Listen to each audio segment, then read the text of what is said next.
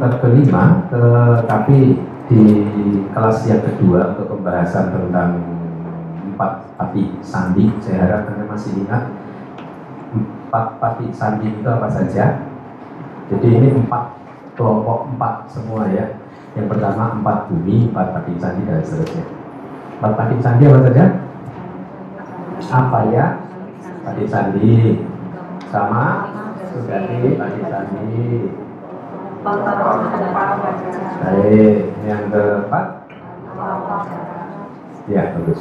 Saya harap terus diingat, kemudian juga di dalam satu sistem tata dunia kita mengenal 31 alam kehidupan, sementara di seluruh alam semesta ini terdiri dari banyak sekali sistem tata dunia, jadi memahami bahwa kita bukan satu-satunya makhluk di alam semesta yang sangat luas ini membuat kita kadang efeknya adalah ego kita juga melemah dan ya? Selama ini kita menganggap kita adalah makhluk paling penting ya kan manusia dari sejarahnya selalu begitu. Uh, ada yang mengklaim pusat dari dunia ada di titik ini. Nah itu klaim-klaim begitu itu seolah-olah manusia yang paling penting. Tapi sekarang kita mempelajari bahwa ada banyak uh, alam kehidupan ya di luar kita ada banyak makhluk ya. dengan minggu lalu kita sudah sampai pada tentang usia. Tentang usia setiap makhluk yang tinggal di bumi-bumi tertentu itu mempunyai angka-angka uh, tertentu. Kita lanjutkan dulu. Uh, mohon dibaca silakan Di alam para dewa yang mengendalikan ciptaan-ciptaan dewa lain, batas usianya adalah 9 miliar 216 juta. Selanjutnya, resultan jana pertama berlangsung sebagai penyambung kelahiran kembali, faktor kehidupan dan kematian di bumi jana pertama. Ada berapa bumi di jana pertama? Ada berapa alam kehidupan? Tiga apa saja? Hmm? Brahma pari saja, Brahma Purohita, Maha Brahma bagus. Kita lanjutkan. Demikian juga resultan jana kedua dan resultan jana ketiga di bumi jana kedua. Nah ini agak harus dibahas pelan-pelan. Saya harap Anda masih ingat perbedaan pembagian jana di Sutanta dan di Abhidhamma. Masih? Ya, di Abhidhamma jana rupa wacara dibagi menjadi berapa? Lima jana rupa, rupa, uh, rupa jana. Kemudian kalau di Suta rupa jana dibagi berapa? Empat. Anda masih ingat tanpa papan tulis uh, uh, perbedaannya di mana? Kita analisa satu-satu. Jana pertama sama-sama mempunyai lima faktor jana. Jana kedua di konsep Abhidhamma mempunyai empat faktor jana. Mempunyai padanan tidak di konsep Sutanta, model Sutanta. Tidak, karena jana kedua di Sutanta ada berapa faktor jana?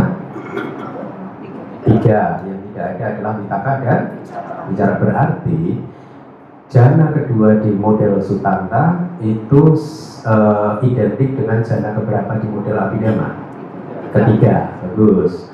Kemudian jana keempat di Abhidhamma berapa faktor jana? Dua ya. Nah, dan seterusnya berarti sekarang Anda tahu jana kedua di model Sutanta itu similar identik dengan jana ketiga di model Abhidhamma berarti Jana kedua di model Abhidhamma tidak ada bandingannya di Suta. Tetapi di dalam konteks kekuatan karma untuk menghasilkan uh, padi sandi, jana kedua dan jana ketiga di model Abhidhamma, kalau dia berfungsi sebagai uh, menghasilkan padi sandi, dia akan menghasilkan padi sandi di bumi jana yang kedua. Paham ya? Paham ya? Jadi di bumi jana yang kedua itu resultan jana kedua dan resultan jana ketiga itu maksudnya ya. E, bumi jana ketiga terdiri dari berapa alam? Apa saja? Hmm? Arita Suba? Hmm, apa saja? Jana kedua? Tapi pada pemanapan. Oke, ya. Uh, saya rasa kita cepat saja ya saya ini kan ya karena yang penting di belakang sih ini ini sangat mudah kan saya baca aja ya dia resultan jana yang keempat itu menjadi uh, Padik Sandi di bumi jana yang ketiga tetapi tentu saja ini adalah model abidama tetapi pembagian dari alam semesta mengikuti model sutanda ya paham ya makanya angkanya jana keempat di bumi jana ketiga kalau sama-sama di model Sutara ya jana ketiga di bumi jana ketiga. Begitu ya. Kemudian resultan jana kelima di bumi jana yang keempat. Jadi saya rasa harusnya sudah tidak ada pertanyaan di sini ya, Anda sudah paham. Kita akan coba bahas uh, di bumi atau tingkatan jana kedua ini kalimat ini disampaikan dengan merujuk pada metode empat jana di model Sutanta tadi sudah saya sampaikan kan ya. Kemudian silahkan Handi dibaca akan tetapi untuk makhluk-makhluk tanpa batin fenomena materilah yang menjadi penyambung kelahiran kembalinya. Demikian juga setelah itu hanya fenomena materi berlangsung dan lenyap di sepanjang kehidupan dan saat kematian. Inilah yang dinamakan enam penyambung kelahiran kembali di bumi lingkup materi halus ada dua poin di sana berarti kalimat para yang pertama itu menjawab keraguan Anda kalau Anda pernah mendengar ada guru abidama yang mengatakan bahwa alam asalnya sata di detik terakhirnya itu muncul fenomena mental sekarang sudah terjawab ya syairnya tidak begitu selama makhluk terlahir di asalnya sata bumi di sepanjang waktu selama di sana yang ada hanya fenomena eri saja, tubuh jasmani saja, tidak ada fenomena mental sama sekali. Ini syairnya. Kemudian yang kedua, inilah yang dinamakan enam penyambung kelahiran kembali di bumi lingkup materi halus. Anda bisa sebutkan enam penyambung kelahiran kembali. Di sana tidak ada kata kesadaran kan ya? Jadi Anda harus bedakan enam penyambung bukan enam kesadaran penyambung kelahiran kembali. Paham ya? Kalau menyebut enam kesadaran penyambung kelahiran kembali di bumi lingkup materi itu benar atau salah? Salah, karena satu dari lima penyambung kelahiran kembali adalah fenomena materi kan ya. Jadi enam ini adalah rupa wacara jana yang wipaka pertama, kedua, ketiga, empat, lima sama rupa sandi. Yaitu sandi untuk makhluk asalnya sata ya makhluk tanpa batin ada enam ya berarti ya. Berarti ada berapa padi sandi sekarang? Total. Semua total. Anda mengenal berapa jenis padi sandi? Hah? semua?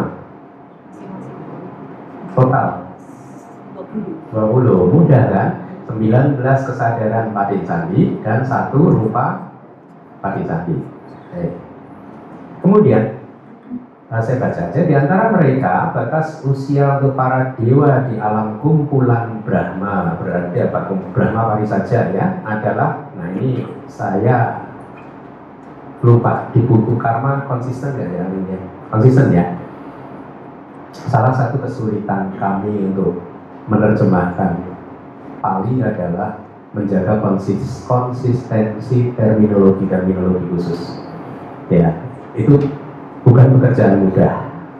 Ya karena banyak sekali terminologi dan kadang kita bisa tidak konsisten gitu. makanya waktu menerjemahkan ini juga apa? Uh, glossary sepertiga eon. Eon itu ternyata kamus besar kita mengenal istilah eon kalau anda buka KBBI kamus besar bahasa Indonesia kita ketemu kata eon artinya jangka waktu yang lama sekali gitu ya tidak bisa diperkirakan berapa lamanya gitu. Di sini saya terjemahkan kalimat paling kata paling kappa K A P P A kappa atau bahasa Sanskertanya kalpa. Saya terjemahkan dari eon atau siklus dunia ya. Artinya apa itu siklus dunia? Ya, sesuai dengan namanya siklus dunia perputaran dunia Nanti kita akan bahas. Jadi satu putaran dunia itu satu kapak, satu kalpa. Maksudnya satu putaran dunia itu bagaimana?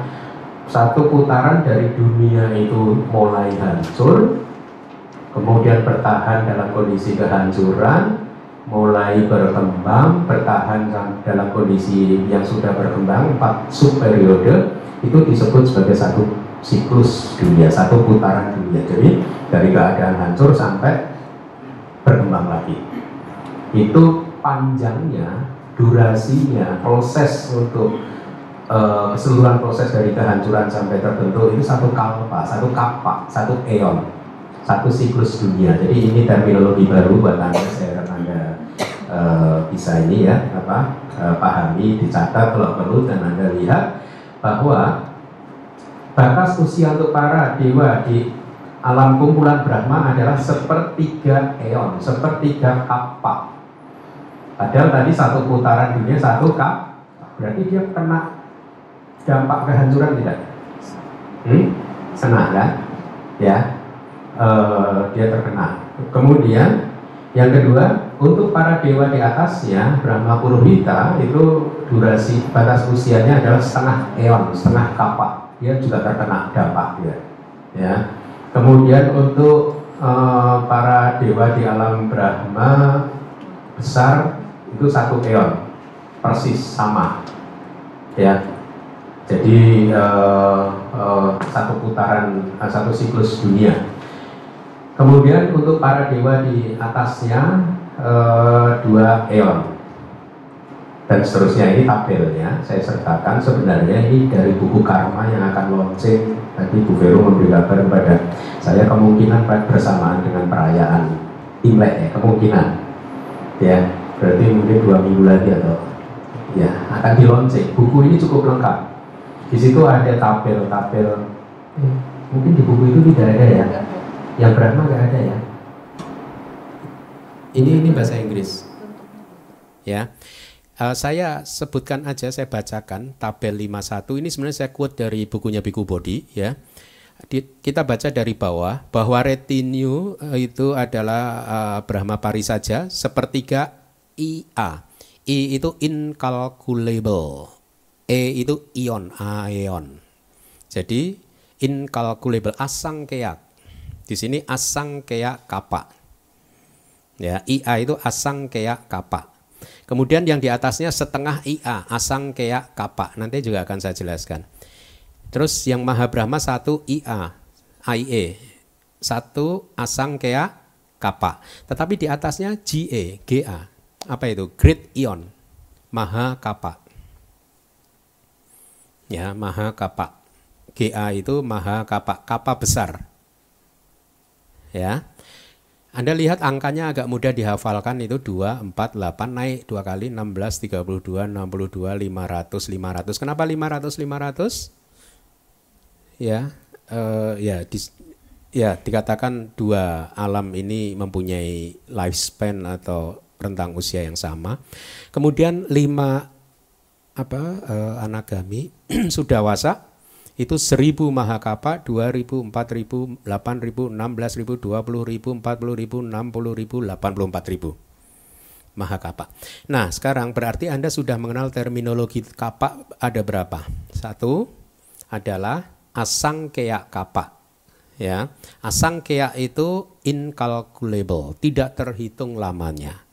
Satu siklus dunia yang tidak terhitung lamanya. Kemudian Anda juga mengenal Maha Kapa. Ya. Jadi sekarang saya akan jelaskan dulu.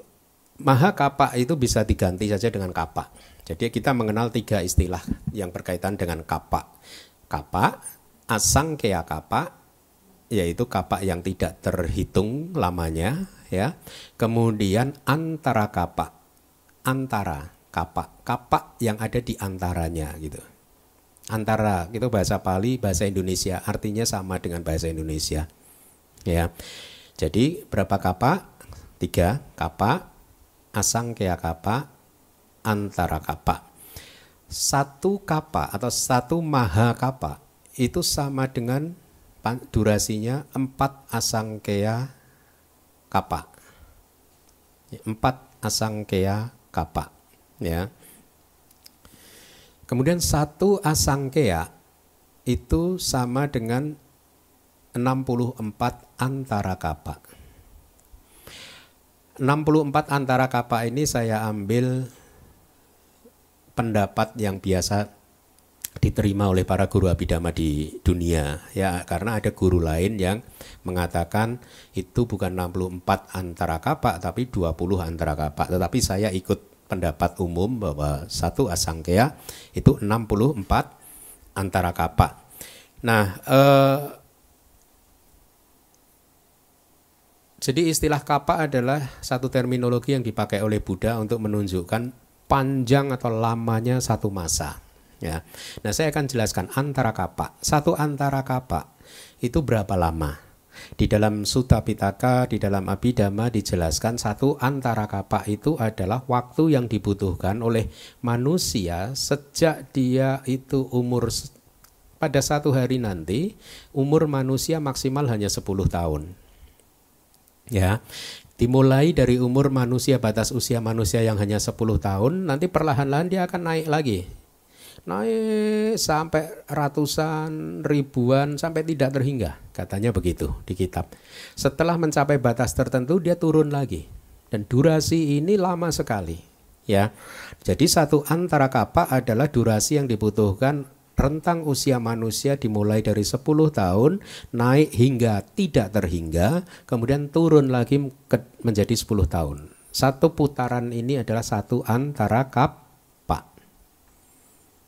ya 64 putaran ini tadi sama dengan satu asangke ya empat asangkea sama dengan satu kapa jadi itu apa eh, apa sih namanya hmm, ukuran yang dipakai di zaman Buddha. Kalau ukuran sekarang kita tidak tahu, ya mungkin satu miliar satu triliun tahun, itu lama sekali, lama sekali, ya. Nah, Uh, sekarang apa pentingnya mengetahui kapak-kapak tadi? Ya, pentingnya adalah satu siklus dunia, satu putaran bumi dari dihancurkan sampai kemudian terbentuk kembali siap untuk dihuni kembali itu kan satu kapak itu terdiri dari empat asangkaya kapak kan ya uh, ini, ini nanti yang uh, setelah ini akan saya jelaskan bagaimana proses empat asangkea kapak itu terjadi di dalam satu siklus dunia. Ya, mari kita baca dulu selanjutnya. Uh, kelihatan nggak, Andi? Kelihatan ya? Oke, silakan. Kehancuran alam semesta. Alam kemilau yang berseri, abasara, sering disebut di kitab saat menjelaskan mengenai kehancuran alam semesta. Buddhisme menjelaskan bahwa alam semesta senantiasa mengalami proses perubahan setiap saat, hancur dan kemudian terbentuk lagi, hancur lagi dan kemudian terbentuk kembali demikian seterusnya. Dengan kata lain, kita tidak mengenal kiamat sebagai akhir dari kehidupan dan alam semesta ini. Wisudi Maga menyebutkan empat periode perubahan alam semesta, ya, yaitu stop ya, yaitu stop dulu. Di kalimat atas alam kemilau yang berseri abasara itu sering disebutkan di dalam kitab. Kenapa? Karena ini adalah alam yang paling bawah yang tidak terkena dampak kehancuran alam semesta pada saat alam semesta dihancurkan oleh api. Jadi ada tiga penyebab alam semesta itu hancur. Yang pertama adalah api, yang kedua adalah angin, ah, sorry air, yang ketiga adalah angin. Kalau alam semesta ini dihancurkan oleh api, maka alam abasara aman, alam abasara ke atas aman. Selain itu ke bawah hancur. Kalau dia dihancurkan oleh air, maka yang selamat adalah alam subbakinha alam jana yang keberapa? Ketiga, ya. Dia aman. Di bawahnya itu hancur semua. Kalau alam semesta ini dihancurkan oleh angin, maka yang selamat adalah mulai WH pala ke atas. Ya. Teks kita sering hanya mengkut abasara saja, ya, tidak begitu lengkap yang selama ini yang saya baca itu hanya mengkut abasara saja. Berarti dia hanya menceritakan tentang proses kehancuran alam semesta yang disebabkan oleh elemen api. Tapi elemen air dan elemen angin tidak pernah disebutkan. Ya, tapi sekarang Anda tahu bahwa alam semesta ini bisa dihancurkan oleh salah satu dari tiga sebab, yaitu apa tadi? Api, air, angin. Konsekuensinya dampaknya masing-masing berbeda. Ya, alam-alam ininya berbeda. Ya. Nah, ini adalah empat periode di dalam satu siklus dunia ya eh, empat periode ini nanti berkaitan dengan cerita yang ada di kitab kita tentang bagaimana kehidupan atau bumi ini hancur dan kemudian dibentuk kembali. Oleh karena itu uh, bagus kalau Anda juga menghafalkannya. Silahkan dibaca. Pertama, periode kehancuran Sangwata. Berasal dari kata Pali Sangwati yang berarti berputar ke belakang. Di dalam periode ini, alam semesta terus-menerus mengalami penyusutan parihayamana dalam jangka waktu yang lama sekali. Ya, stop dulu. Sekali lagi nanti Anda bisa baca ini di buku Karma yang akan di launching oleh uh, eh, DBS ya. Karena ini sebenarnya saya cuplik dari buku tersebut. Periode kehancuran sang watak. Sang watak itu sebenarnya berputar ke belakang atau kemunduran. Ya, bangunan udah bagus tiba-tiba mulai runtuh hancur hancur lapuk lapuk lapuk lapuk lapuk begitu. Bumi kita yang sudah mulai bagus nanti mulai lapuk lapuk hancur hancur hancur secara perlahan-lahan ya. Jadi ini satu dari empat periode. Yang pertama adalah sang watak. Nah proses kelapukan ini kehancuran ini penyusutan ini terjadi dikatakan di dalam kitab dalam jangka waktu yang lama sekali tidak dalam jangka waktu yang sekejap. Kalau kitab mengatakan lama sekali itu berarti lebih dari seribu tahun biasanya karena 100 tahun saja masih disebutkan di dalam kitab. Ya, lama sekali. Proses ini terjadi lama sekali. Sehingga sangat cocok dengan ilmu pengetahuan. Ya, tidak ada proses yang tiba-tiba begitu, ya kan? Semuanya termasuk meditasi kan juga nggak ada kan proses tiba-tiba ya. Tiba-tiba tercerahkan gitu. ada. Tiba-tiba pinter abidama nggak ada. Kalau ada enak. Selanjutnya, periode kedua. Kedua, periode kestabilan setelah kehancuran, Sang Wata Tai. Periode ini juga termasuk ke dalam periode kehancuran. Di dalam periode ini, alam semesta berada dalam kehancuran dalam jangka waktu yang lama sekali. Baik, yang membedakan adalah kalau periode Sang Wata, dia itu proses menyusut, hancur. Proses hancur. Setelah berada dalam titik jenuh kehancurannya dia berhenti dalam keadaan hancur itu untuk jangka waktu juga lama sekali gitu. Saya tidak tahu apakah ini masih sesuai dengan hukum fisika atau tidak. Ya. Tapi tapi mempelajari dhamma jangan kemudian dikonfrontasikan dengan ilmu pengetahuan modern fisika kimia atau ya apa pun. Ya, karena dhamma tidak untuk tujuan melayani kepuasan intelektual yang yang yang yang yang haus dengan hukum fisika dan kimia. Mempelajari dhamma itu adalah untuk memahami, mempunyai pemahaman tentang kehidupan ini dengan tepat sehingga kita sudah mulai merasa jijik, tidak bernafsu terhadap kehidupan ini. Ya.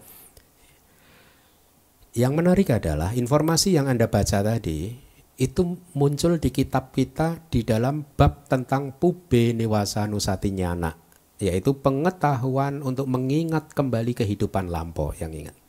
Jadi, yang Anda baca itu tadi adalah informasi yang diingat oleh guru kita pada saat beliau mengingat kehidupan yang lampau. Ya. Tetapi di kitab yang lain juga dikatakan begini, kira-kira begini.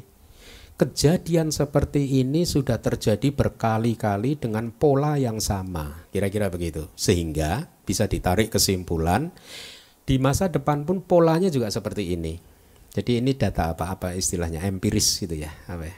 Jadi di masa lalu begitu, selalu begitu polanya. Di masa depan pun juga besar kemungkinan akan seperti ini. Tapi sekali lagi kalaupun ada perbedaan dengan penemuan-penemuan modern jangan kemudian Anda meng, apa e, kemudian kecewa atau apa karena sekali lagi Buddhism tidak ditujukan untuk ilmu pengetahuan, tetapi untuk mengembangkan kebijaksanaan supaya kita mulai bisa menghancurkan kilesa-kilesa kita. Kemelekatan kita terhadap kehidupan kita, kemelekatan terhadap yang lain-lain, ya. Nah, jadi sang watak tayi, sebenarnya palinya mudah. Yang satu sang watak, yang satu sang watak tayi. Nanti yang ketiga wi watak, keempat wi watak tayi juga, ya. Dia berada dalam keadaan hancur untuk jangka waktu yang lama sekali, kemudian masuk dalam periode yang ketiga, silahkan. Ketiga, periode pembentukan kembali wiwata. Di dalam periode ini, alam semesta tumbuh berkembang, wadah mana dalam satu proses yang sangat lama. Jadi setelah berhenti dalam keadaan hancur, alam mulai mengembang lagi, mulai menuju ke arah keadaan yang subur lagi untuk kemudian bisa ditempati oleh makhluk ya. Kemudian yang keempat, keempat periode kestabilan setelah perkembangan wiwata tai. Alam semesta berada dalam keadaan seperti ini untuk jangka waktu yang sangat lama. Ya, berhenti sebentar. Jadi tahap ketiga adalah dia mulai berkembang. Setelah mencapai titik kulminasinya, dia bertahan dalam keadaan eh, apa? Sudah berkembang seperti itu untuk jangka waktu yang lama sekali. Nah, kita sedang berada di dalam tahapan ini. Ya, kita sedang menuju ke tahapan sang watak nanti. Ya. Kemudian e, dilanjutkan. Ketika alam semesta mengalami kehancuran yang disebabkan oleh api, maka seluruh alam kehidupan di bawah alam abasara hancur. Ketika alam semesta hancur oleh air, maka semua alam kehidupan tenggelam oleh air hingga ke alam subakinha. Selanjutnya, ketika alam semesta hancur oleh angin, maka semua alam weha pala dan alam-alam di bawahnya hancur. Lalu, bagaimana makhluk yang tinggal di alam-alam tersebut selamat dari kehancuran alam semesta? Para dewa dari alam dewa lingkup indriawi yang disebut pasukan untuk dunia, Loka Buya, mengetahui bahwa di akhir dari seratus ribu tahun akan muncul putaran dunia kapa baru. Dengan air mata bercucuran dan mengenakan pakaian seadanya, mereka kemudian memberitahu manusia-manusia di bumi Seratus ribu tahun lagi dunia akan hancur. Ya, stop dulu. Ya, kita belum diberitahu. Tenang aja. Ya, jadi masih lama. belum belum diberi, belum turun pasukan dewa dari untuk dunia ini, penjaga dunianya itu belum turun gitu. Uh, ya, coba saya akan sampaikan tadi sudah saya ini ya.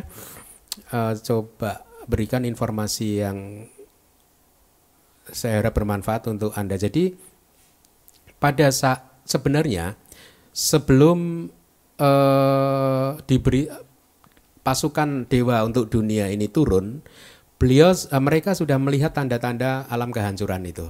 Ya, tandanya apa? Dikatakan bahwa awal dari kehancuran itu nanti awan yang sangat besar itu maha mega itu menutupi langit kita Kemudian hujan deras di ratusan ribu cakrawala, ya, ratusan ribu sistem dunia. Pada saat itu manusia pada senang karena hujan terus itu. Kenapa? Karena kemudian dia bisa bercocok tanam lagi. Tetapi dikatakan ketika tanaman sudah besar, lalu tiba-tiba hujan berhenti sama sekali tidak ada hujan untuk jangka waktu yang lama sekali. Ya, kalau di Suta di Anggutarani kayak eh, empat uh, suta yang ke-100 itu ada kalimat kira-kira dari Buddha para biku nanti akan tiba waktunya ketika selama bertahun-tahun, ratusan tahun, ribuan tahun, ratusan ribu tahun tidak ada hujan sama sekali. Jadi di suta ada padanannya ya. Satu masa nanti bumi ini akan benar-benar tidak menerima tidak ada hujan yang turun ke bumi. Kemudian disampaikan bahwa makhluk yang bergantung pada hujan mati ya dan kemudian singkat cerita lahir di akhirnya lahir di bumi Brahma ya karena berlatih meditasi satu proses sehingga mereka menguasai jana dan akhirnya bisa lolos terlahir di Brahma. Para dewa yang ini menarik. Para dewa yang hidup di bunga dan buah juga mati. Dunia berada dalam keadaan kekeringan. Ya, dalam jangka waktu yang sangat lama, dunia berada dalam keadaan kekeringan seperti itu. Kemudian ikan dan penyu mulai mati dan mereka lahir bahkan akhirnya mampu mencapai alam Brahma juga. Demikian juga dengan penghuni neraka. Lalu bagaimana mereka mencapai jana? Jana dicapai secara bertahap ya. Pada satu masa dia lahir dulu menjadi eh, apa dewa di alam dewa lingkup indrawi. Kemudian untuk jangka waktu yang cukup lama berlatih meditasi hingga menguasai jana. Jadi singkat cerita sebagian besar makhluk lolos ya. Eh, tidak terkena dampak dari kehancuran karena berhasil berhasil lahir di alam Brahma. Kemudian pada saat uh, kondisi seperti itu, dewa yang merupakan pasukan untuk dunia tadi, Loka Byuha memberitahu uh, terus memberitahu sambil bercucuran air mata. Uh, silakan dibaca lagi. Bahkan samudra akan mengering, tanah besar Mahapatawi dan Gunung Meru akan hancur. Kehancuran ini akan terjadi hingga ke alam Brahma. Kembangkan meta, karuna, mudita, dan upeka. Rawatlah ibu dan ayahmu hormatilah orang yang lebih tua di garis keturunanmu. Ya, itu kalimat dari para dewa untuk mengingatkan manusia ya. Tapi sekali lagi eh, pahamilah bahwa ini adalah sesuatu yang terjadi di masa lalu ya. Eh, dan di masa depan pun juga seperti itu. Silakan dilanjutkan. Ketika orang-orang mendengar ini, sebagian besar dari mereka merasa tergugah, sang wega. Mereka menjadi ramah dan saling berbuat kebajikan dengan penuh meta, karuna, mudita, dan upeka.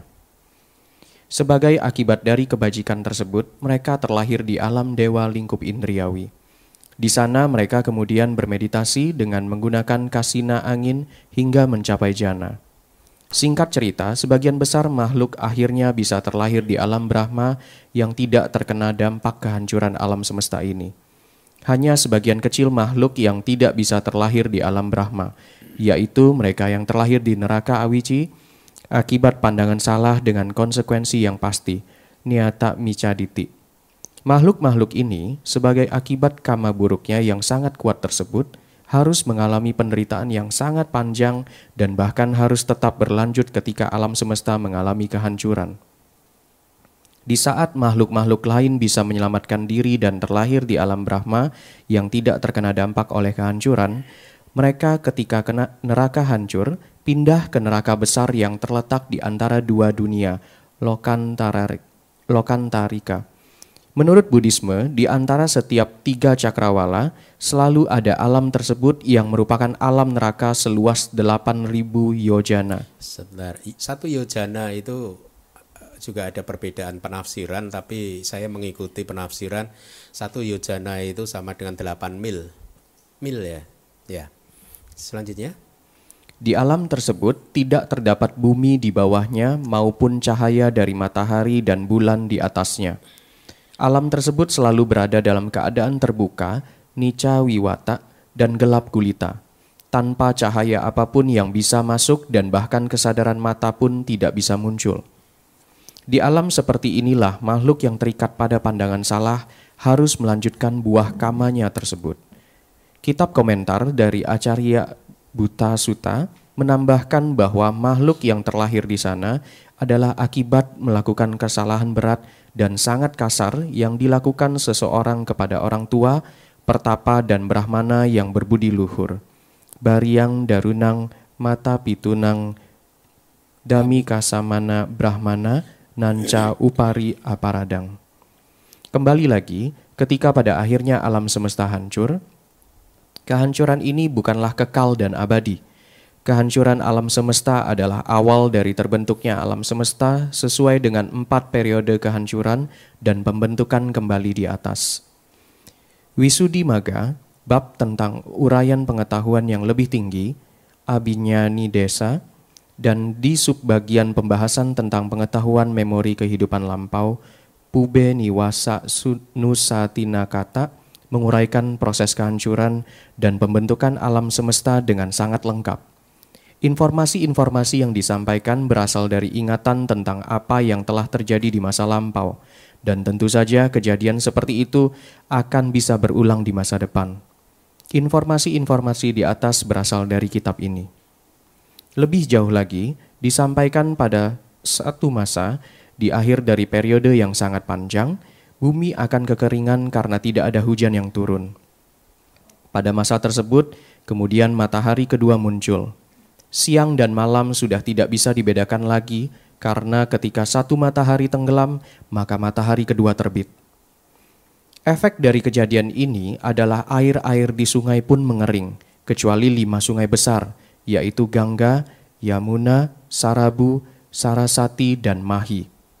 Kondisi ini bertahan untuk jangka waktu yang lama, dan di akhir dari periode ini matahari ketiga muncul. Stop sebentar. Ada informasi tambahan katanya pada di tertulis di kitab pada saat dua matahari muncul ada perbedaannya. Kalau matahari yang pertama ketika dia masih muncul diiringi selama nah, matahari yang pertama ini uh, ber, kan bumi mengitari gitu ya.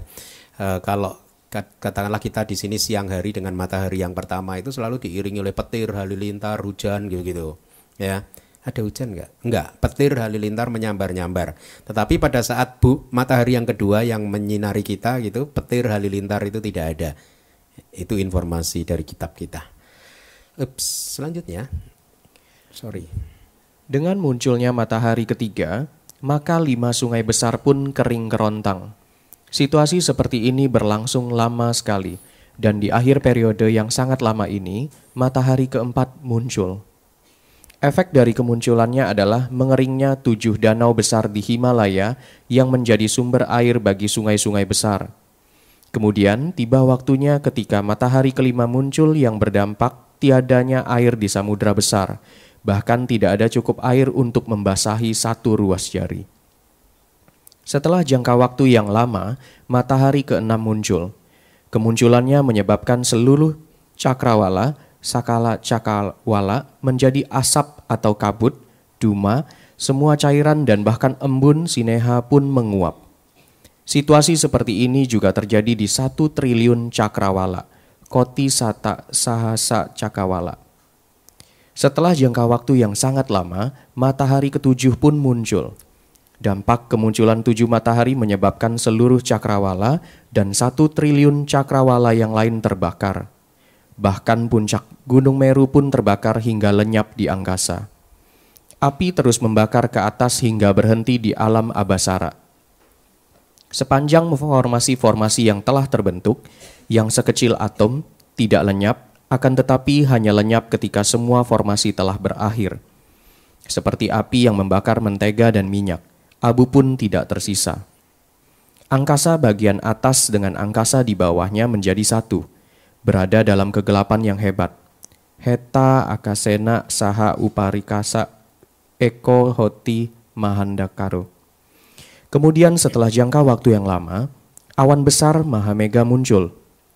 Pertama-tama hujan turun dengan sangat lembut, kemudian hujan turun dengan sangat lebatnya, seukuran tangkai lili air, tulang, alu, batang pohon, kelapa sawit, dan lebih lagi.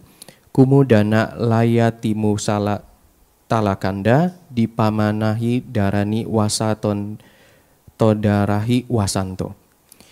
Hujan menggenangi, Bureti, semua wilayah yang telah terbakar di satu triliun cakrawala hingga mereka semua lenyap. Lalu angin nih di bawah dan di sekeliling air tersebut bangkit membuatnya padat dan bulat seperti setetes air di daun teratai. Stop. Seperti setetes air di daun teratai. Bentuknya seperti apa ya tetes air di daun teratai? Kayak kayak bumi kita gitu ya. Hah? Elips ya. Ha, gitu ya. Ya, terus. Setelah air dipadatkan oleh udara dan berkurang, secara bertahap air pun menyusut. Ketika terus menyusut, maka alam Brahma muncul di dalam tempatnya Alam-alam dewa muncul di tempatnya di empat alam dewa lingkup indriawi yang di atas. Stop. Kitab ini ditulis kira-kira 2600 tahun yang lalu. Sudah bisa mengatakan bahwa awal bumi itu kayak gitu kan, setetes air di daun teratai kan. Padahal waktu itu ilmuwan-ilmuwan mengatakan bumi ini bulat. Oh bahkan datar ada, ya betul. Datar. Capek deh. Gitu. ya, yang menarik loh. Padahal ini bukan ilmuwan, ini ingatan Buddha tentang masa lalu. Hebat ya. Bahasa palinya boleh dihindari yang ini. Kemudian ketika air Ketika air yang padat terus menyusut hingga mencapai permukaan tanah atau bumi seperti di saat-saat awal, Puri Mata Witana, angin yang sangat kencang menghentikan proses penyusutan tersebut. Ketika esens air habis, cita rasa tanah, humus, muncul di atasnya, yang memiliki warna, aroma, dan rasa seperti membran yang menutupi nasi susu yang mengering. Ini nanti menjadi objek nafsu dari manusia yang pertama kali turun ke bumi, humus, jadi sumber makanan dia, dia bernafsu. Tadinya manusia itu yang pertama itu tubuhnya bercahaya karena baru turun dari alam Brahma kan. Dia terbang gitu, tidak hidup di bumi, terbang masih bisa ya melayang bukan terbang, melayang-layang gitu. Kemudian pada saat kekuatan jananya itu habis, kilesa mulai muncul, pancaniwarana mulai muncul, mulai bernafsu. Menarik sih, menarik sih. Sangat sangat menurut saya sangat bagus. Kemudian uh, dilewati saja palingnya, ya. Kemudian makhluk-makhluk yang lahir di alam Brahma Abasara meninggal karena habisnya usia atau habisnya kebajikan dan terlahir di bumi manusia. Peristiwa ini terjadi di periode pembentukan kembali Wiwata. Pada awalnya mereka bercahaya oleh dirinya sendiri dan berjalan di angkasa. Hmm. Te honti sayam paba antalikacara. Hmm. Lambat laun, oleh karena dikuasai oleh nafsu, tanha biputa, maka cahaya tubuhnya lenyap dan berubah menjadi gelap. Dari sinilah kehidupan manusia dan eksistensi alam semesta dimulai lagi. Para makhluk kembali digerakkan oleh kama-kamanya, sedangkan alam semesta bergerak dengan mengikuti hukum-hukumnya sendiri. Jadi sekali lagi kehancuran atau kiamat menurut Buddhisme bukanlah akhir dari segala-galanya, melainkan awal dari terbentuknya alam semesta yang baru. Baik, ya. Saya pertama kali membaca ini beberapa tahun yang lalu itu seperti terpukau. Ini ini cerita ini sangat panjang sih, ya. Membacanya aja capek apalagi menerjemahkan. panjang sekali, tapi terpukau gitu. Betapa menurut saya masih cukup masuk di akal gitu kalau sesuai apa yang uh, saya kan juga menyenangi pelajaran fisika kimia gitu ya masih cukup masuk di akal sih ya Nah, saya akan coba tambahkan lagi. Jadi uh, pada satu tadi udah sampai matahari muncul belum ya? Oh, belum ya, udah. Matahari yang baru muncul lagi gitu. Belum ya. Oke. Okay. Jadi tadi yang sudah dibaca kan seperti itu pada akhirnya makhluk yang ada di Abasara usianya exhausted, habis dan dia lahir lagi menjadi manusia tetapi manusia yang pertama itu pada saat awal pembentukan bumi itu dia berjalan di angkasa ya dan poin lain yang harus Anda ingat bahwa pada saat makhluk Brahma meninggalkan Abasara proses evolusi bumi berada di tahap mana? Tahap ketiga, sang wata. Ya, sang wata. Kita udah di sang wata tayi ini. Hah? Hah? Sorry, wiwata bagus. Sang wata itu roll back. Ya, wiwata maju, berkembang. Sorry, terima kasih Aling. Wiwata dan kita saat ini di wiwata tayi ya. Nah, uh, pada saat mereka sudah mulai makan tadi ya, mulai tubuhnya sudah mulai gelap tadi ya. Kita ini berarti termasuk gelap yang dulu aja termasuk gelap apalagi yang dulu gelap yang ini lebih gelap sama kan emang kemarin kan? Panjang umur dan lebih panjang umur. Jadi satu masa kemudian matahari mulai muncul ya. Pada saat mata tadinya kan berada di dalam kegelapan. Manusia pada dicekam ketakutan ya. Dan pada saat matahari muncul, ketakutan mereka hilang. Kenapa matahari dikatakan bahasa Pali, bahasa Indonesia juga diadopsikan surya. Surya, ya. Itu berasal dari kata surabawa. Gitu. Surabawa itu artinya sesuatu yang gagah berani yang bisa membantu kita sehingga akhirnya kita hilang dari ketakut uh, uh, ketakutan kita hilang gitu ya sura surya jadi dinamakan oh itu surya itu informasi dari kitab kemudian perlahan-lahan bulan mulai juga kelihatan ya. Bulan itu bahasa palinya canda. Canda itu C A N D A. Itu mirip dengan cetasika canda. C H A C H A N D A. Jadi singkat cerita katanya dulu manusia itu penuh pengharapan.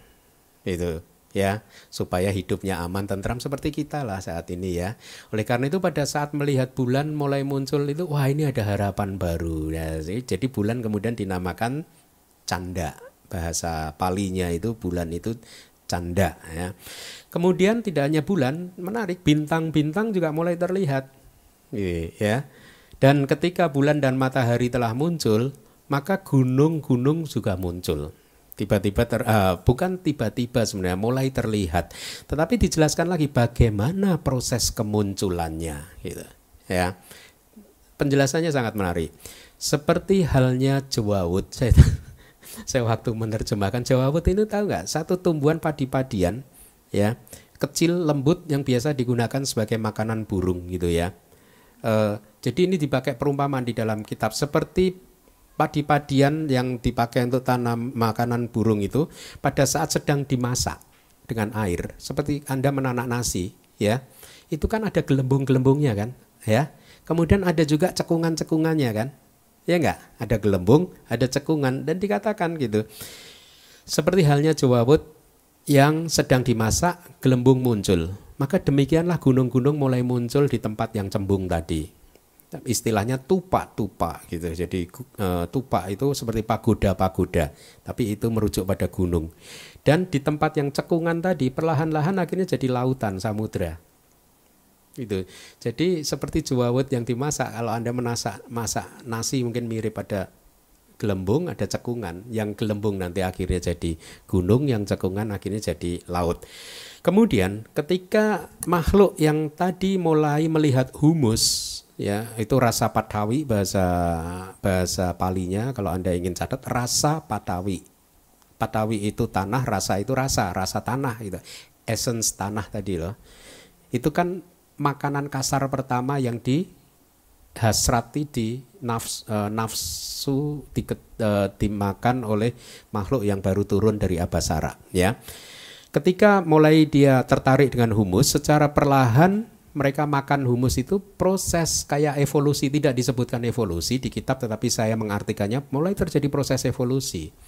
Tubuh yang tadinya warisan dari alam Brahma mulai kasar karena dia sudah mulai makan yang kasar. Kenapa makan yang kasar? Karena kalau interpretasi saya kilesa sudah mulai muncul pancaniwarananya sudah mulai muncul lagi jadi sudah ada nafsu lagi pada saat dia tertarik dengan humus, secara perlahan-lahan tubuh ini berevolusi terus menjadi kasar, kasar, kasar, kasar. Kalau di kitab banyak dikatakan, akhirnya bisa dibagi menjadi dua. Ada yang terlihat ganteng, ada yang terlihat jelek. Eh, kata Ali nggak ganteng dan yang lebih ganteng lagi ya, ya kita rubah juga bisa sih. kita revisi ya. Hah? Tetapi kemudian problem karena kilesa sudah mulai muncul kan kayak Anda kalau meditasi lihat. Hmm? Anda kalau retret jangka panjang ya, satu saat Anda batin Anda mulai bersih kan? Ya. Pada saat itu batin Anda penuh meta, tidak ada emosi sama sekali, tapi itu sementara saja tiba-tiba dia muncul lagi gitu kan muncul itu jadi kilesanya mulai muncul lagi nah persis ini yang terjadi di makhluk tadi ya manusia yang pertama tadi. Pada saat dia sudah mulai tertarik dengan humus, mulai makan itu tubuh jadi kasar. Untuk jangka waktu yang lama proses itu terjadi. Mungkin ini evolusi ya. Kemudian mulai ada dikotomi yang ganteng dan lebih ganteng tadi. Tetapi di sini kemudian yang repot adalah yang lebih ganteng merendahkan yang ganteng. Nggak cocok kan? Kalau di kitabnya dibu, dikatakan yang ganteng mulai merendahkan yang berwajah jelek. Ya. Sehingga karena kilesa, keserakahan dan ini akhirnya sumber makanan itu pun habis. Menarik ya? Ya, habis. Ya, sumber makanan habis, lenyap ya. Eh, kemudian sebagai gantinya kan bumi yang baru terbentuk kemudian muncul jamur-jamur itu dimakan juga sama mereka gitu. Udah nggak ada lain nggak ada akar rotan pun jadi gitu ya. Nggak ada humus rasa patawi jamur pun jadi. Jadi jamur juga dimakan gitu. Bumi papataka bahasa palinya e, itu pun pada akhirnya habis ya. E, karena sebab yang sama keserakahan ya. Dan setelah itu pada lata. Nah ini saya nggak yakin. Pada lata itu bahasa Indonesianya apa. Kalau pada itu kaki, lata itu melata, melata di kaki. Saya menerjemahkannya mungkin tanaman rambat gitu ya. Hah? Palawija. Hmm. Ya, saya enggak palawija. Saya hmm? Bukan padi, karena padi beda lagi. Ini pada lata. E, melata di kaki-kaki gitu tanamannya, tanaman rambat, menjalar gitu. Tapi saya nggak tahu e, apakah itu apa tadi? Nah, palawija saya saya nggak yakin, ya. Karena terjemahan bahasa Inggrisnya pun juga tidak palawija sih. Ya. Uh, itu pun akhirnya lenyap karena sebab yang sama. Setelah itu baru muncul beras, sali. Bahasa palinya ya. Tapi beras pada kemunculannya yang pertama itu kawinnya sangat super tidak ada bubuk di antara sekam dan butir padinya loh. Segitu loh bahasa palinya itu. Dan sangat harum baunya itu. Ya, kalau dimasak beras ini seperti bunga melati, ya, tidak memerlukan saus, kari karena sudah lesat. Mungkin karena nggak ada yang jual juga ya. belum belum kenal saus kan, Hah? belum kenal kalau udah kenal ya sekarang ya Ya ditambah sama saus sama apa tadi? Kari. Hah? Tapi yang menarik nih yang menarik. Entah ini benar atau tidak. Ini informasinya begini. Tapi ya kalau kita mempunyai sada ya. Hmm. Jadi ketika makhluk sudah mulai makan nasi tadi ya. Makanan ini kan mulai makan makanan yang sangat kasar. Nasi ini dianggap kasar. Ya meskipun ini nasi yang berbeda kualitasnya ya mulai maaf ya air seni dan feses keluar ekskremen mulai keluar keluarnya dari mana ya keluarnya dari tubuh dan itu luka awalnya jadi akhirnya timbul dua luka di setiap tubuh manusia. Dan dua luka ini yang kemudian berkembang terus akhirnya bisa menumbuhkan jenis kelamin dan yang satunya itu. Kira-kira seperti itu. Saya sulit ngomong ini. Intinya intinya akhirnya bisa dibedakan. Ini laki-laki itu perempuan. Nah, ini agak baik kan kalimatnya. Inilah Nanti kalau ini masuk akal atau tidak kita bisa diskusi ya, tapi ini informasi perlu saya sampaikan. Akhirnya dikotomi laki-laki dan perempuan. Dari tadi lubang yang uh, luka menganga kemudian akhirnya berkembang menjadi itu. Nah, singkat cerita, karena sudah mulai muncul laki-laki dan perempuan, untuk jangka waktu yang lama sebenarnya pikiran masih cukup bersih, tetapi lama-lama yang perempuan mengimpikan yang laki-laki, yang laki-laki melamun, mikir yang perempuan, sama-sama melamun, ya, sama-sama melamun, sama-sama mengidam-idamkan, sama-sama merindukan, alamiah, ya, akhirnya terjadilah, ntar saya baca aja nanti daripada saya salah ya kan. Yang perempuan melamunkan laki-laki, demikian juga yang laki-laki melamunkan perempuan. Setelah waktu yang lama eh, mereka melamun, mulai tumbul timbul kama parilaha. Kama parilaha, kama Anda sudah tahu kan nafsu indriawi. Parilaha itu demam. Hmm? Demam. Jadi nafsu nafsu yang bukan hanya nafsu indriawi kalau ini berarti kama raga, nafsu seks ya. Parilaha itu demam. Berarti kayak panas. Saya sampai sekarang kan dipakai kan kalau ada apa misalkan ini ak dulu masih muda dulu kan suka masih nonton film aktor panas ya sampai sekarang masih ya dipakai ya Wih pura-pura nggak tahu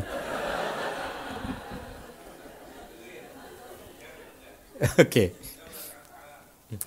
Oke. Ya, menarik sih. Itu kata-kata ribuan tahun yang lalu pun juga berarti kata yang sekarang mewarisi dari kata ribuan tahun yang lalu kan. Kama parilaha. Kamaknya itu nafsu seks, parilaha itu demam. Di panas itu ya. Uh, demam nafsu gitu. Mereka akhirnya melakukan uh, maaf metuna damang pati sewanti. Mereka akhirnya melakukan metuna damang. Metuna dama itu maaf hubungan seksual ya. Akhirnya terjadi hubungan seksual. Setelah kejadian itu, mereka dicela oleh orang bijaksana dan dihukum ya. Kemudian mereka akhirnya karena dihukum dikucilkan, mereka membangun uh, beberapa dari mereka yang mungkin agak nakal-nakal ini kalimat saya karena demam tadi ya, karena nafsunya panas membara tadi mulai membangun rumah. Yang laki-laki membangun rumah supaya apa? Supaya kalau melakukan itu tadi tidak dilihat orang. Jadi tersembunyi, kira-kira seperti itu. ya mereka mulai membangun rumah untuk bersembunyi ketika melakukan itu tadi. Lama-lama kemalasan muncul, mereka yang tadinya setiap hari ber, berburu mencari mencari makanan dari tanaman-tanaman sudah tidak lagi mau bercocok tanam, tidak lagi mau mencari setiap harinya tetapi menimbun makanan ya. Makanan disimpan seperti gudang gitu mungkin ya. E, disimpan untuk stok. Nah, lama-lama pencurian muncul, pencuri terjadilah mulai kejahatan-kejahatan yang lain pun mulai muncul. Kenapa? Karena kilesa mulai menguat lagi. Sama ya kita ya. Kalau pulang pulang dari retret masih cute gitu. ya. Masih cool banget tapi setelah dua hari tiga hari oh,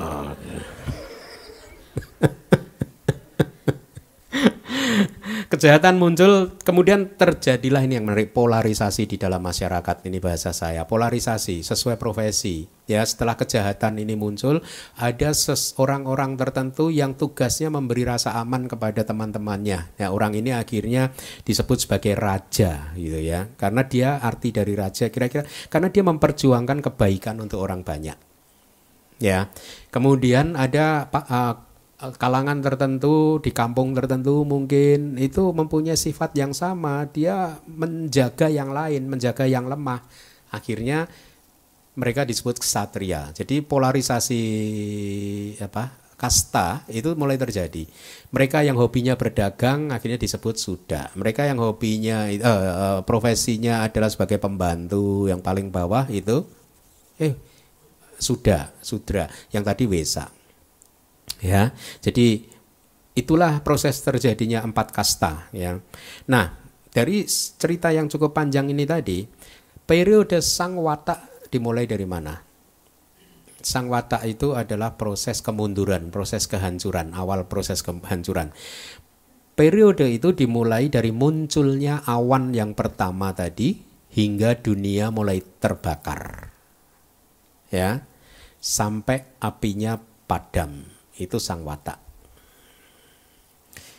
Kemudian periode yang kedua sang watak tayi ya berada dalam keadaan hancur untuk jangka waktu yang lama itu dimulai dari ketika api tadi sudah padam sampai munculnya awan besar yang kemudian muncul air hujan lagi. Itu periode sang watak tayi. Periode yang ketiga yang disebut wiwata atau pertumbuhan perkembangan itu dimulai dari munculnya awan yang besar yang kedua tadi ya hingga kemunculan matahari bulan bintang. Ya mulai berkembang. Itu adalah momen di mana apa awal-awal kehidupan manusia ya Kemudian wiwata tayi, momen yang sekarang ini sub momen yang kita hidup saat ini juga termasuk ya. Itu dimulai dari munculnya matahari, bulan, bintang tadi hingga munculnya awan besar nanti yang menjadi awal kehancuran lagi. Ya, jadi itu pembagian dari empat periode. Tetapi seperti tadi yang di awal saya sampaikan, eh, informasi ini tadi dan ini di buku-buku juga sering hanya hanya seperti ini ceritanya itu adalah proses kehancuran alam semesta yang disebabkan oleh api. Ya, masih ada lagi penyebab dua yang lain lagi yaitu yang disebabkan oleh air dan disebabkan oleh angin ya. Saya tidak sempat untuk menerjemahkan tapi ceritanya hampir mirip. Kalau tadi muncul matahari kedua, ketiga ini muncul kalau air mega, maha mega yang kedua, maha mega yang ketiga dan seterusnya ya awan besar yang kedua, awan besar yang ketiga, awan besar yang keempat dan seterusnya gitu. Uh, Jadi bukan matahari kedua tapi awan besar yang kedua ya. Dan dia menghancurkan seluruh alam kehidupan sampai batasnya di bawah Subhakinha. Subhakinha nggak terkena dampak ya. Kalau dihancurkan oleh angin juga begitu. Jadi sebagai pengganti tidak ada matahari kedua tapi angin dahsyat yang menyapu yang pertama, kemudian kedua dan seterusnya gitu. Ya. Dan makhluk itu jatuh dimulai dari Subakinha. Itu kena dampak. Wihapala tidak kena dampak. Ya. Jadi kalau dihancurkan oleh angin kehancuran itu tidak sempat terkena eh, alam Wihapala ya. Lalu ada pertanyaan, apa yang membedakan kehancuran dunia ini dari api, air, dan angin? Kenapa api, air, dan angin gitu? Kalau di kitab ini saya juga agak kurang setuju sebenarnya. Disebutkan kalau pas dihancurkan api itu karena manusia lobanya terlalu kuat. Kalau air itu dosanya terlalu kuat. Kalau angin mohanya terlalu kuat itu katanya gitu ya. Tetapi saya kurang setuju, kurang kurang cocok sepertinya gitu. Tapi ada informasi yang menarik bahwa kitab kita menyebut 64 siklus dunia. Jadi yang ada tertulis itu sudah pernah terjadi itu polanya begini 64 alam semesta hancur terbentuk kembali 64 kali polanya begini. Tujuh kali dihancurkan oleh api kemudian yang kedelapan dihancurkan oleh air. Gitu. Kemudian tujuh kali lagi berarti sampai 16 ya. Eh, 15 ya. Tujuh kali lagi dihancurkan oleh api, yang ke 16 dihancurkan oleh air lagi. Ya. Demikian seterusnya sampai 63. Jadi 7 1 7 1 7 1 sampai angka 63 itu masih coba Anda hitung. 7 air, 8 eh sorry 7 api 8 air. Kemudian 7 lagi berarti 5 sampai ke 15 itu api lagi. Yang ke 16 air lagi. Kemudian 7 kali lagi berarti 23 kan? Ya itu masih dengan api kemudian yang 24 dengan air. Kemudian 7 lagi 31 dengan api lagi. Sampai ke 31 32 nya dengan air lagi. Kemudian sampai 39 eh Hah? Mama mama? Apa apa? Hah? Pokoknya 7171 gitu. Oke, okay. dihitung.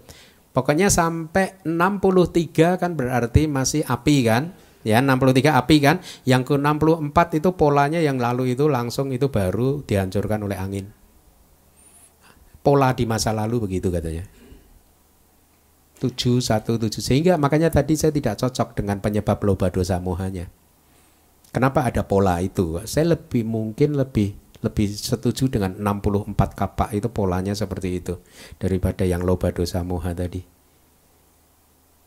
yang menarik adalah 64 kapak. Angkanya 64 ya kayak megabyte, gigabyte gitu ya. ya, sama ya. Berarti ini apa? Kode apa itu namanya? Udah dari dulu ya 64. Baik, uh, saya rasa yang lain Anda bisa baca ya tidak ada yang ini ya hampir melengkapi uh, lebih lengkap yang saya sampaikan tadi kan ya ada lagi yang ini enggak? Ini ada informasi satu eon yang tidak terhitung lamanya asang kaya kapa itu seperempat bagian eon besar atau mahakapa tadi saya katakan sama lah dengan kapa gitu ya. Asal Anda tahu saja gitu. Dan walaupun seseorang menyusutkan setumpukan biji sesawi putih yang menutup area sepanjang dan selebar masing-masing 8 mil dengan cara memindahkan bijinya sesawi tadi satu persatu di setiap akhir dari 100 tahun maka satu eon besar tidak akan berakhir. Jadi satu eon besar bahkan lebih panjang apabila kita mempunyai tumpukan biji sesawi panjang dan lebar itu satu yojana berarti 8 mil. Setiap 100 tahun satu biji diambil dipindahkan habisnya ini tadi 8 kali 8 mil tadi itu bahkan satu kapak belum berakhir. Lama ya. Satu biji 100 tahun ini ada berapa miliar biji itu. Makanya saya biasa memakai miliar atau triliun. Lama sekali, lama sekali ya. Itu satu kapak ya. Satu kapak besar di sini atau sama dengan satu kapak. Maha kapak atau kapak itu biasanya saling bisa menggantikan gitu.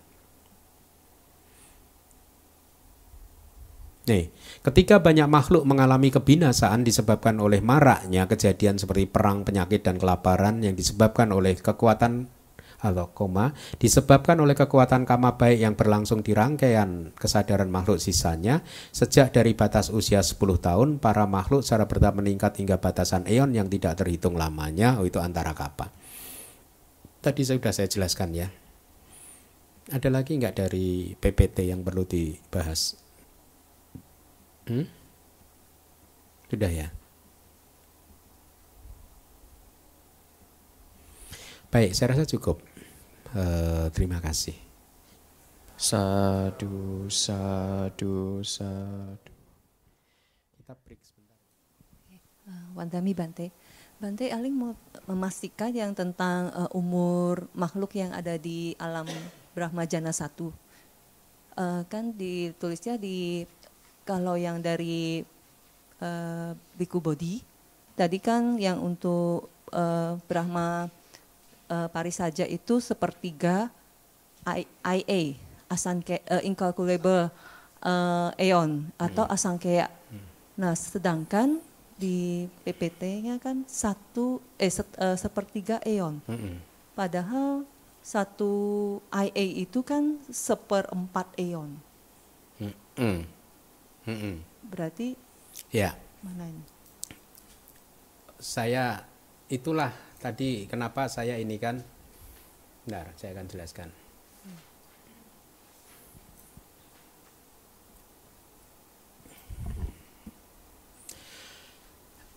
Ya, ini di bahasa palinya mm-hmm. ya ini ada semacam discrepancy apa perbedaan atau mungkin agak kekeliruan bentar ada kekeliruan teks jadi di abidama tak sanggah atau di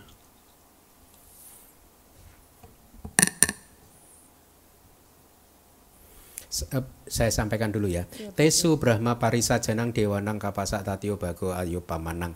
Ini satu informasi. Hmm. Brahma pun di kitab disebutkan juga sebagai dengan istilah dewa gitu. Ya Anda selama ini mungkin memahaminya dewa itu hanya untuk enam malam surga ya. Brahma pun juga bisa disebut dewa gitu. Kadang disebut dewa juga. Kapasa Tatio Bago sepertiga kapak. Sepertiga kapak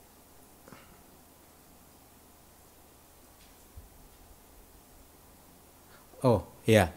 Di teksnya berbunyi bahwa memang terjemahan ini sudah benar. Sepertiga siklus dunia. Sepertiga kapak, ya. Itulah mengapa kemudian Biku Bodhi menerjemahkan kapaknya ini adalah asangkaya kapak. Tapi kan tapi kan kalau eon itu kan berarti satu uh, mahakapa. Satu mahakapa kan empat asangkaya kapa. Hmm.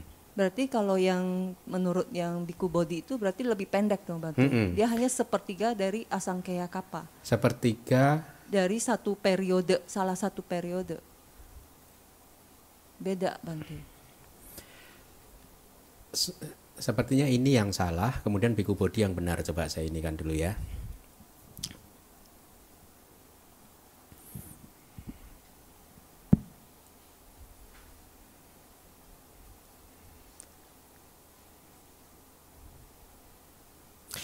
First jana plane itu satu asangkaya kapak. Hmm. Sedangkan satu asangkaya kapak itu seperempat great aeon, seperempat mahakapa. Kalau yang di teks Pali tadi sepertiga eon. Berarti harusnya sepertiga kali seperempat lagi gitu. Seper dua belas eon. Hmm uh, gak, gak sama satu, Satu kalpa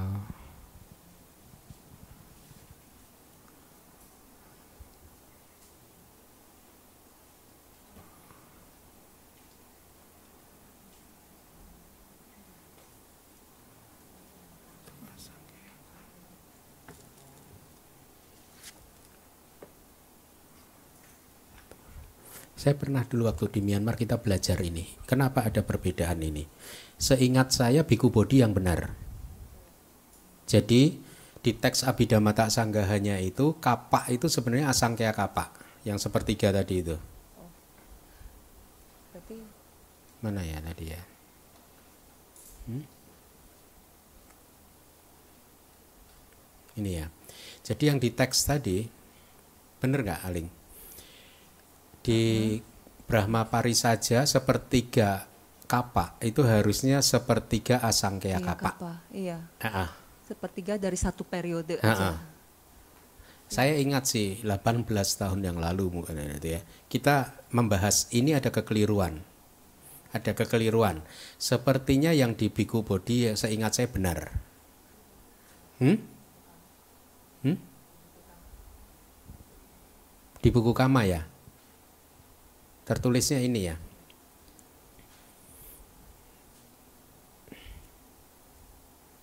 Coba di buku Kama mana? Eh, buku Kama kan nggak ada. Masa? Ada ya? Nanti Bante. Buku Kama ada lifespan Brahma ya?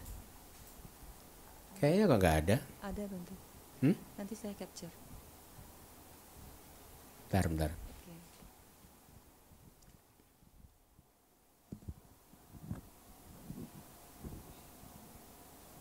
Buku Kama mengikuti teks ini ya? Sama ya? Bentar. Salah satu salah sih. Cuma saya pikirnya saya ingat-ingat. Udah 18 tahun sih. Atau nanti saya sampaikan di grup ya. Boleh Bante. Hmm? Ya Bante. Yang pasti salah satu salah. Cuman saya lupa yang salah yang mana.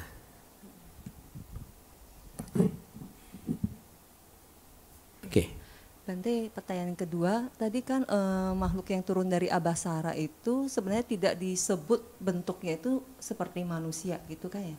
Bercahaya. Ha-ha. Cahaya. Belum kelihatan tubuhnya. Terus dinosaurus bagaimana ya Bante? Dinosaurus ya. Eh, itu jauh jauh setelah turun dari Abasara kan. Mulai mulai muncul kan dinosaurus itu. Jauh setelah, jauh setelah setelah Jadi manusia, manusia juga dulu kalau menurut kitab.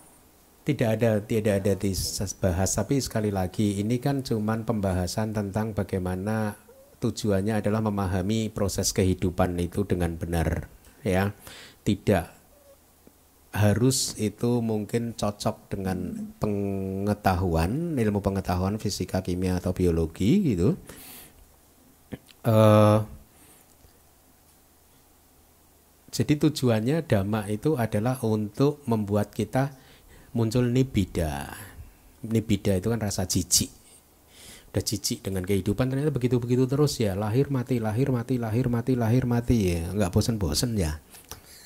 ya. Kemudian dari nibida wiraga, wiraga dan seterusnya gitu. Itu tujuannya sih sebenarnya. Diuraikan itu pun juga bukan untuk konsumsi ilmu pengetahuan tetapi untuk konsumsi kebijaksanaan bahwa kehidupan ini anicca, dukkha dan anatta. Itu tujuannya gitu. Tidak disebutkan sih binatang ya itu tadi yang disebutkan yang ditemukan ikan sama penyu tadi. Kayaknya ada di kitab itu ya, tapi ya ya itu versinya begitu. Tapi sekali lagi saya tegaskan berkali-kali tujuan belajar Tripitaka bukan untuk konsumsi ilmu pengetahuan ya fisika, kimia, biologi tetapi lebih pada memberikan kita pemahaman tentang anicca, dukkha dan anatta. Ya. Oke. Hmm. Ya, wah dua penanya dokter semua. Habis ini dokter Wahyu nih tanya. Tiga dokter. Eh, Bante, eh, saya mau konfirmasi. Kalau memang oleh angin itu berarti alam WH palanya Nggak kena. nggak kena. Mm-mm. Tapi kalau di slide yang ke 11 nih kalau dibaca, selanjutnya ketika alam semesta hancur oleh angin, maka semua alam WH pala dan alam-alam di bawahnya hancur. Yang mana? Kayaknya harus dikoreksi seperti Slide Slide nomor berapa? 11 Bante. Nomor 11 ya. Mm-mm. Eh? Nomor 11 mana? Slide 11. Ini nomor 11. Oh salah, saya yang Pati Sandi yang pertama. Ini ya. Ketika alam semesta oleh angin maka semua alam Hmm? Ya, semua alam WH pala dan alam-alam di bawahnya hancur. Mungkin harus ada kecualinya ini mungkin. -ha, semua alam di bawah Wah, WH WH pala pala hancur. hancur. Itu Terima aja. kasih, terima Ya, kasih. ya, Nanti ya. diingetin lagi ya. Ya. Malam Bante. Ya. Bante, apakah pada saat alam semesta ini hancur, makhluk-makhluk tertentu di alam Brahma yang eh, umurnya melebihi satu siklus alam semesta ini ikut mati apa gimana tuh Bante? Yang di alam Brahma misalkan Paritaba kan dua siklus alam semesta. pari, paritaba itu kan bukan Brahma, Parita. al- alam Alam surga. Kenapa? Oh, oh, oh ya, Brahma alam jana, pertama. Jana Ha, ha. pertama ya. Hah, kenapa? Iya, itu kan mereka umurnya melebihi Bukan melebihi dong. Eh, satu siklus alam semesta, dua siklus. Apakah mereka ikut mati apa gimana tuh pada saat hancur gitu alam oh enggak. Eh,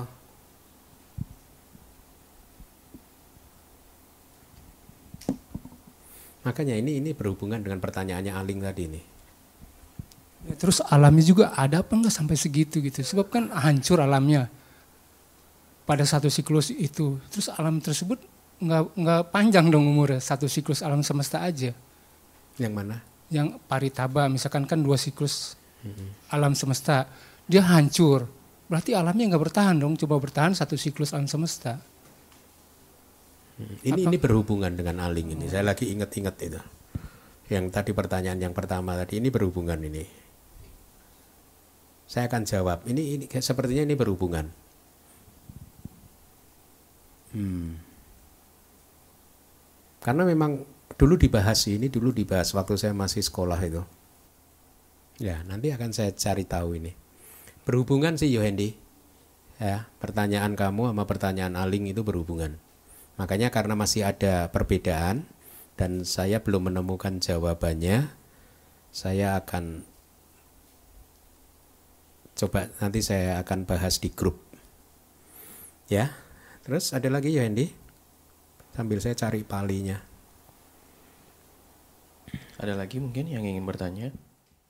Malah Bante. Eh, dulu kalau nggak salah dengar ini ya, I think it was from you ya. Eh, bumi hancur ya. Tapi kok di sini nggak ada tulisannya yang bumi hancur sama kalau nggak salah dulu sampai nine suns. Sampai nine suns? Enggak, seven. Seven ya? Selalu tujuh. Oh, Sata oke, surya. oke. ah. Oh berarti untuk siklus hancurnya yang dia eh, explode ya kalau nggak salah ya. Ha, ha, ha. Eh, itu apa nggak jadi explode karena mulai hujan atau gimana ya? Tadi waktu matahari sudah tujuh tadi, itu explode kan. Oh pada titik itu. Mm-mm. baru nanti dia udah- kan sudah kering kerontang kan kepanasan gitu akhirnya tep gitu. Tapi itu kan eh, sebenarnya kalau di hari minggu itu saya merujuk bahasa konvensional menggabungkan dengan penemuan yang Stephen Hawking kalau mengatakan Big Bang itu kan explode gitu kan mengembang gitu ya.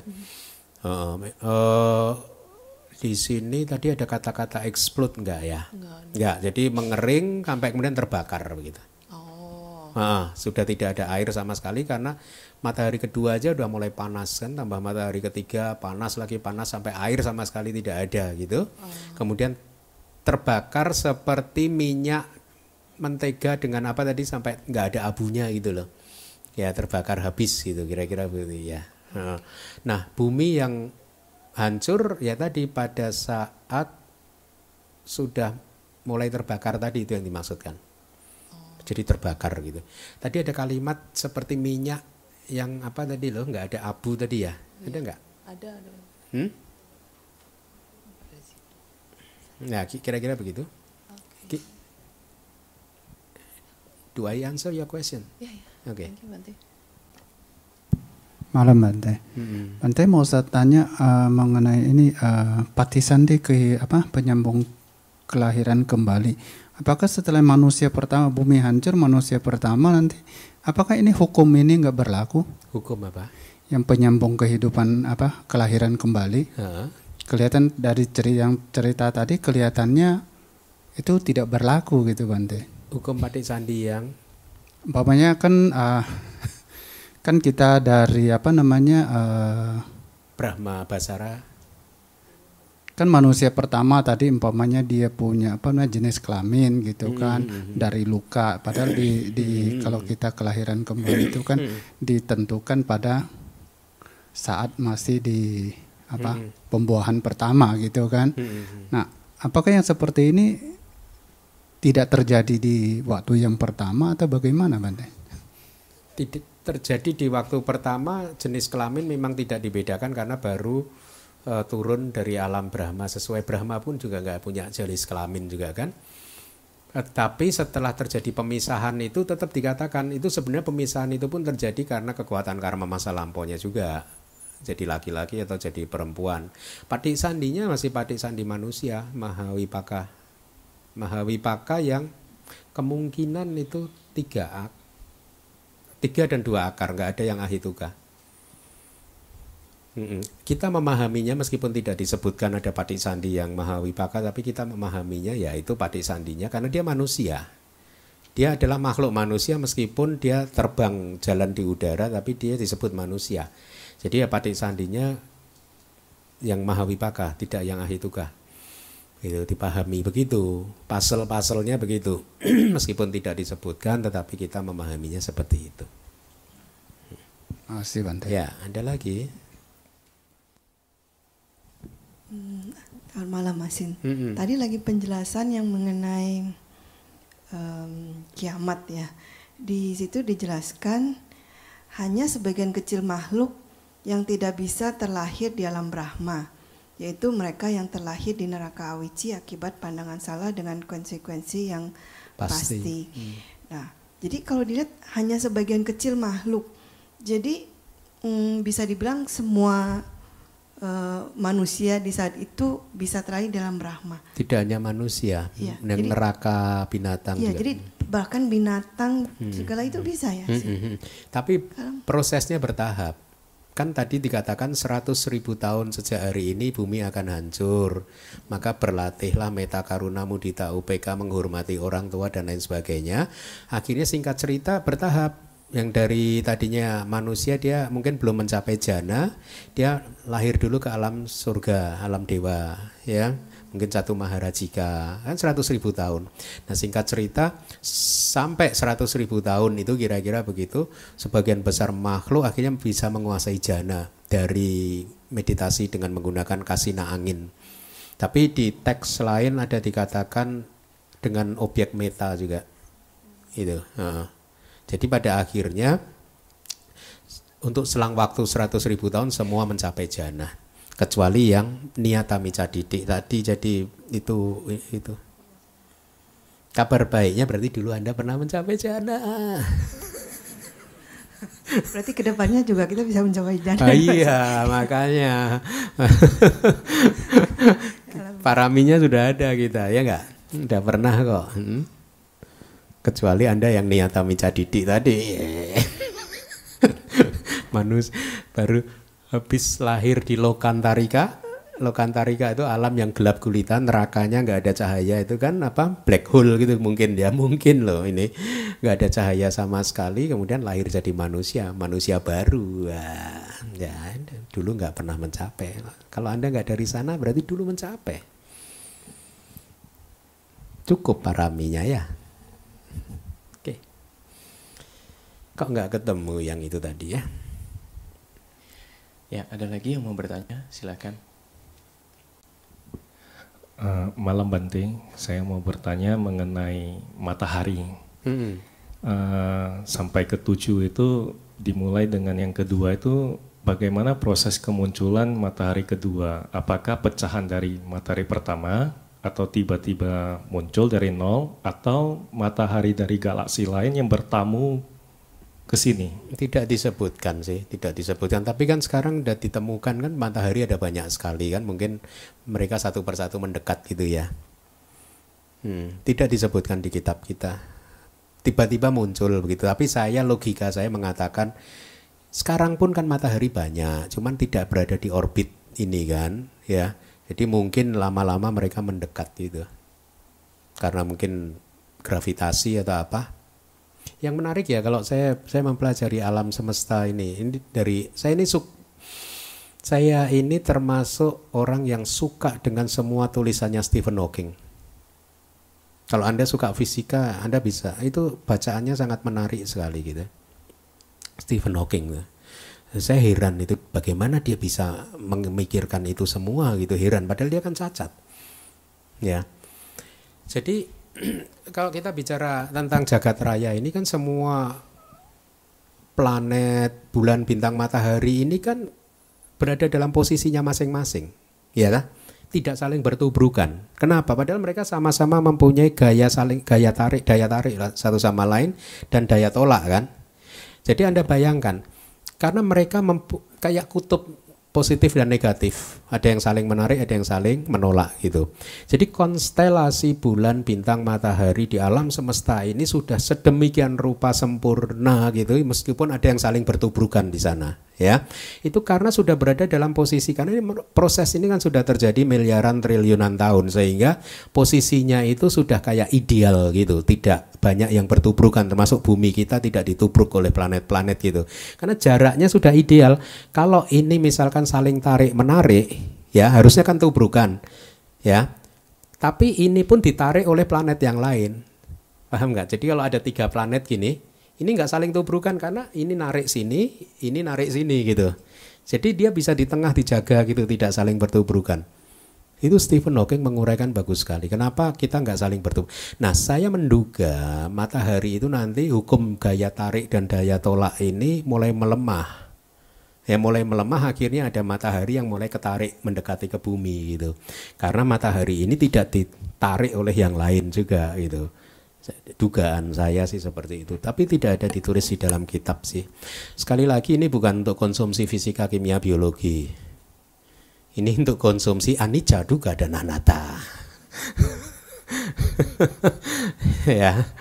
Itu. Jadi Anda memperlakukan dhamma adalah untuk memperkuat persepsi tentang anicca duga dan anatta. Ya. Oke, okay, good.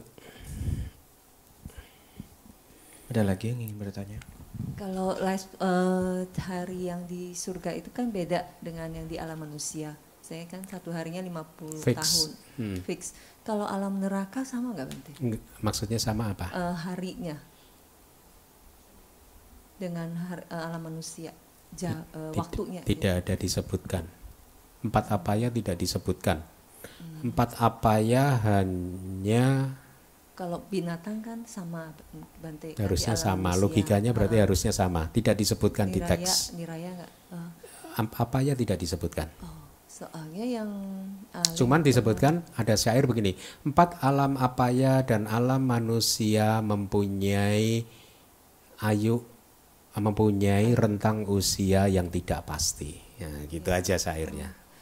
Uh, Aling pernah baca di satu buku yang tadi Bante menyebut antara kapa yang beda antara 64 dan, dan 20 itu uh, disebutkan kalau 64 itu adalah 64 uh, kapa di manusia era manusia human the oh, human beings. Tapi kalau 20-nya itu adalah yang di no, no, neraka no, enggak enggak gitu. enggak. Enggak. Teksnya udah jelas mengatakan uh, Wibawini itu dari Wibawini dari Wibawini syairnya kira-kira berbunyi begini satu antara kapa adalah sama dengan 60 eh, satu asangkaya kapa adalah sama dengan 64 antara kapa. Ya.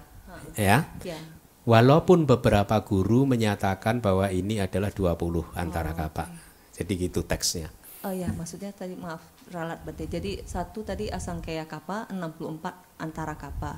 Nah, yang 20-nya itu katanya 20 dari, untuk ukuran waktu neraka awici. No, no. Enggak ya? Enggak, enggak. Oh, okay. Beberapa guru mengatakan ini hanya satu asangkaya equal to 20 antara kapak, tetapi ini minoritas.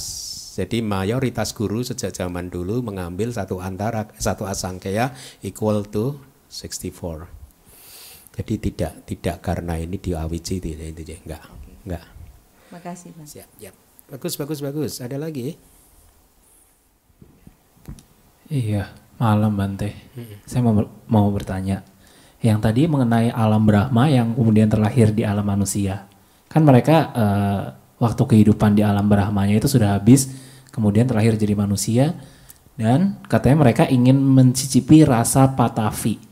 Apakah rasa itu muncul karena mereka lapar atau hanya semata-mata ingin mencicipi saja? Itu yang pertama. Terus yang kedua, eh, kemudian setelah mereka eh, di ada polarisasi tadi terbentuk ada yang yang hmm, jenis kelamin perempuan dan jenis kelamin laki-laki kan muncul kama pari laha ya. Karena pa, pari laha. Nah, kemudian mereka melakukan suatu hubungan gitu. Nah, apakah hubungan tersebut sudah disebut sebagai pelanggaran sila gitu, pelanggaran sila ketiga atau memang itu hanya proses alam saja? Karena untuk manusia pertama kan mungkin yang perempuan belum mempunyai ibu atau belum mempunyai orang tua. Bagaimana penjelasannya? Pelanggaran sila karena teks itu berkaitan dengan pelanggaran lima sila. Akhirnya muncul pencurian, muncul muncul ucapan bohong dan lain sebagainya. Jadi itu termasuk pelanggaran. Makanya disebutkan itu sebagai kejahatan. Kejahatan. Oh, seperti itu. Nah, jadi itu pelanggaran. Kemudian yang pertama tadi apa tadi? Yang pertama yang adalah soal rasa fatavi apakah Oh uh, ya. Jadi bukan karena dia lapar terus itu muncul enggak, ini proses buminya berevolusi kemudian muncul rasa patawi ya dan makhluknya lama-lama kilesanya muncul. Ya, mulai bernafsu kilesa ya. Akhirnya ketemulah objek. Kilesa kan selalu menemukan objek. Hmm, adanya itu ya itu gitu. Sama kita saat ini juga gitu kan kilesa kalau muncul ketemu aja objeknya. Gitu. Jadi karena kilesa muncul di bumi ada rasa padawi, akhirnya dimakan rasa padawi habis, terus kemudian berproses lagi jadi jamur dan seterusnya ya, kayak beras kemudian. Oke, terima kasih Bante. Malam Bante. Uh, kalau menurut teori Darwin kan uh, hmm. manusia itu kan evolusi dari hewan-hewan. Hmm. Bagaimana hubungannya dengan yang malam ini dijelaskan sama Bante gitu? Hmm, ya, hmm. maksudnya yang dari kera gitu. Darwin sebenarnya ya. ngomong nggak sih proses itu dari kera? Ya, gitu? semua makhluk hidup kan berevolusi. Kera juga kan awalnya dari sel-sel gitu kan.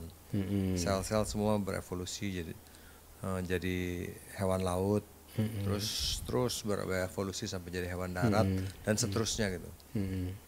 Gitu. Uh, sejauh yang saya baca tidak ada informasi seperti itu. Ya, tidak ada informasi seperti itu. Ya. Tapi sangat dimungkinkan sih. Kan sekali lagi apa? Kita pun sebenarnya kan makhluk ini kan berevolusi kita ini, ya. ya.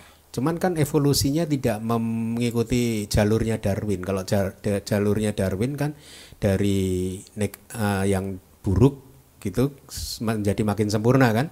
Nah, kita evolusinya naik turun. Kadang jadi binatang, sekarang jadi manusia, nanti kalau melanggar sila jadi binatang. Berputar-putar terus. tidak, tidak, tidak ada di teks seperti itu, ya. Tapi sekali lagi lah, ini bukan untuk konsumsi pengetahuan sih. Ini untuk yeah. konsumsi anicca juga dan anatta sih ya. ya. Ya. Oke, oke. Ya, oke.